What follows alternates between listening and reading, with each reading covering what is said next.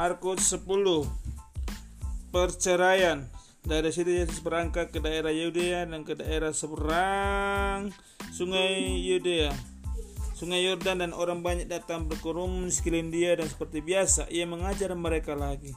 Lalu datanglah orang-orang Parisi dan untuk mencoba Yesus mereka bertanya kepadanya apakah seorang suami diperbolehkan menceraikan istrinya? Jawabnya kepada mereka dengan bagus-bagus apa perintah Musa kepadamu jawab mereka Musa memberi izin untuk menceraikan dengan dengan membuat surat cerai. Lalu kata Yesus kepada mereka, karena kekerasan hatimu lah Musa menuliskan perintah ini untuk kamu. Padahal sejak awalnya ciptaan alam menjadikan mereka laki-laki dan perempuan. Sebab itu laki-laki akan meninggalkan ayahnya dan ibunya dan bersatu dengan istrinya. Sehingga keduanya itu menjadi satu daging. Demikianlah mereka bukan lagi dua melainkan satu. Karena itu apa yang telah dipersatukan Allah tidak boleh diceraikan manusia. Jadi kalau sudah menikah nggak boleh diceraikan manusia karena sudah disatukan sama Allah suami dan istri itu satu oke okay? ketika mereka sudah di rumah murid-murid bertanya lagi kepada Yesus tentang hal itu lalu katanya kepada mereka siapa saja menceraikan istrinya lalu kawin dengan perempuan lain ia berzina terhadap istrinya itu jika istri istri menceraikan suaminya dan kawin dengan laki-laki lain ia berzina Yesus memberkati anak-anak. Lalu orang membawa anak-anak kecil kepada Yesus supaya ia menyentuh mereka. Tapi murid-muridnya memarahi orang-orang itu. Melihat itu Yesus marah dan berkata kepada mereka, Biarkan anak-anak itu datang kepadaku. Jangan halang-halangi mereka. Sebab orang-orang seperti inilah yang memiliki kerajaan Allah. Sesungguhnya aku berkata kepadamu, Siapa saja yang tidak menyambut kerajaan Allah seperti seorang anak kecil, ia tidak akan masuk ke dalamnya. Lalu ia meluk anak-anak itu dan sambil meletakkan tangannya di atas mereka, ia memberkati mereka. Orang kaya sukar masuk kerajaan Allah.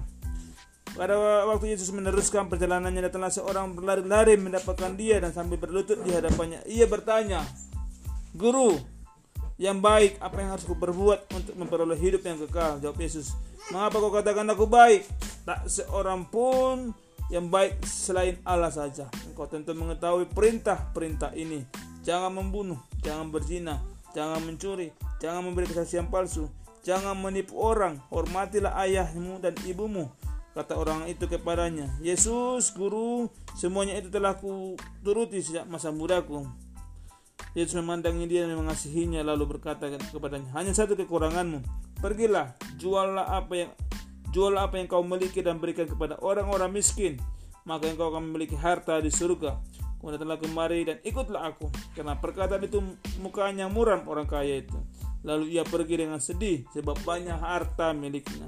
Lalu Yesus memandang murid-muridnya sekeliling dan berkata kepada mereka, Alangkah sukarnya orang memiliki banyak harta yang masuk ke dalam kerajaan Allah. Murid-muridnya tercengang mendengarkan perkataannya itu. Namun Yesus berkata lagi, Anak-anakku, alangkah sukarnya masuk ke dalam kerajaan Allah. Lebih mudah seekor unta melewati lubang jarum daripada seorang kaya masuk ke dalam kerajaan Allah. Mereka makin tercengang dan berkata kepada seorang pada yang lain, jadi siapakah yang dapat diselamatkan? Yesus memandang mereka dan berkata, bagi manusia hal itu tidak mungkin, tapi tidak demikian bagi Allah.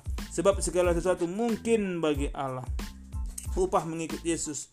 Berkatalah Petrus kepada Yesus, kami ini telah meninggalkan segala sesuatu dan mengikut engkau. Jawab Yesus, sesungguhnya aku berkata kepadamu setiap orang yang karena aku dan karena Injil meninggalkan rumah atau saudara laki-laki, saudara perempuan atau ibu atau ayah atau anak-anaknya atau ladangnya orang itu pada zaman ini juga akan menerima seratus kali lipat rumah saudara laki-laki, saudara perempuan, ibu, anak dan ladang sekalipun disertai berbagai penganiayaan dan pada zaman yang akan datang ia akan menerima hidup yang kekal. Namun banyak orang yang pertama akan menjadi yang terakhir dan yang terakhir akan menjadi yang pertama pemberitahuan tentang penderitaan Yesus. Yesus dan murid-muridnya sedang dalam perjalanan ke Yerusalem dan Yesus berjalan di depan. Murid-murid tercengang dan orang-orang yang ikut dia merasa takut. Sekali lagi Yesus memanggil kedua belas muridnya lalu mengatakan kepada mereka apa yang akan terjadi atas dirinya. Sekarang kita pergi ke Yerusalem dan anak manusia akan diserahkan kepada imam-imam kepala, ahli-ahli Taurat dan mereka akan menjatuhi hukuman mati kepada Yesus. Mereka akan menyerahkan dia kepada bangsa-bangsa lain yang akan mengolok-olok, meludahi, mencambuk dan membunuh dia. Tetapi sesudah tiga hari ia akan bangkit. Berapa hari bangkit? Tiga hari. Empat hari sih. Pemberitaan Yakobus Yohanes bukan memerintah melainkan melayani. Lalu Yakobus dan Yohanes anak-anak Zebedeus mendekati Yesus dan berkata kepadanya, Guru, kami ingin engkau melakukan apa yang kami keintak dari engkau. Tanya kepada mereka, apa yang kamu kehendaki perbuat bagimu? Lalu kata mereka, perkenankanlah kami duduk dalam kemuliaanmu kelak, yang seorang di sebelah kananmu dan yang seorang lagi di sebelah kirimu. Namun kata kepada mereka, kamu tidak tahu apa yang kamu minta. Dapatkah kamu meminta minum cawan yang kuminum atau dibaptis dengan baptisan yang kau terima? Jawab mereka, kami dapat. Yesus berkata kepada mereka, memang kamu akan meminum cawan yang harus kuminum dan akan dibaptis dengan baptisan yang harus kuterima. Namun hal duduk di sebelah kananku dan sebelah kiriku, aku tidak berhak memberikannya. Tempat itu untuk orang-orang yang telah ditentukan. Mendengar hal itu, ke-10 murid yang lain menjadi marah kepada Yakobus dan Yohanes.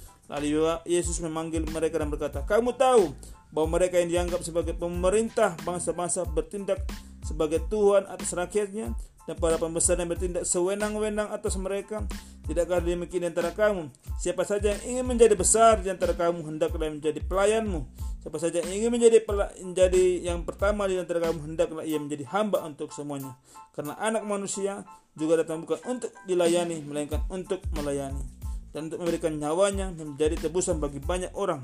Yesus menyembuhkan Bartimeus Lalu tibalah Yesus dan murid-muridnya di Yeriko. Ketika mereka keluar dari Yeriko bersama orang banyak yang berbondong-bondong, ada seorang pengemis yang buta bernama Bartimeus, anak Timotius, anak Timeus duduk di pinggir jalan. Ketika didengarnya bahwa itu adalah Yesus orang Nazaret, mulailah ia berseru, Yesus anak Daud, kasihanilah aku. Banyak orang menegurnya supaya ia diam. Hei, namun semakin keras ia berseru, anak Daud, kasihanilah aku.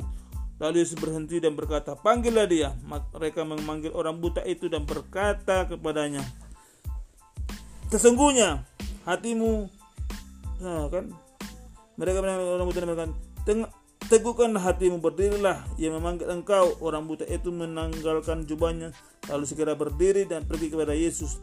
Tanya Yesus kepadanya, apa yang kuhendaki kau perbuat kepadamu? Jawab orang itu, Rabuni, aku ingin dapat melihat. Lalu kata Yesus kepada pergilah imammu telah menyelamatkan engkau. Seketika itu juga dapat melihat lagi lalu mengikuti Yesus dalam perjalanannya. Amin.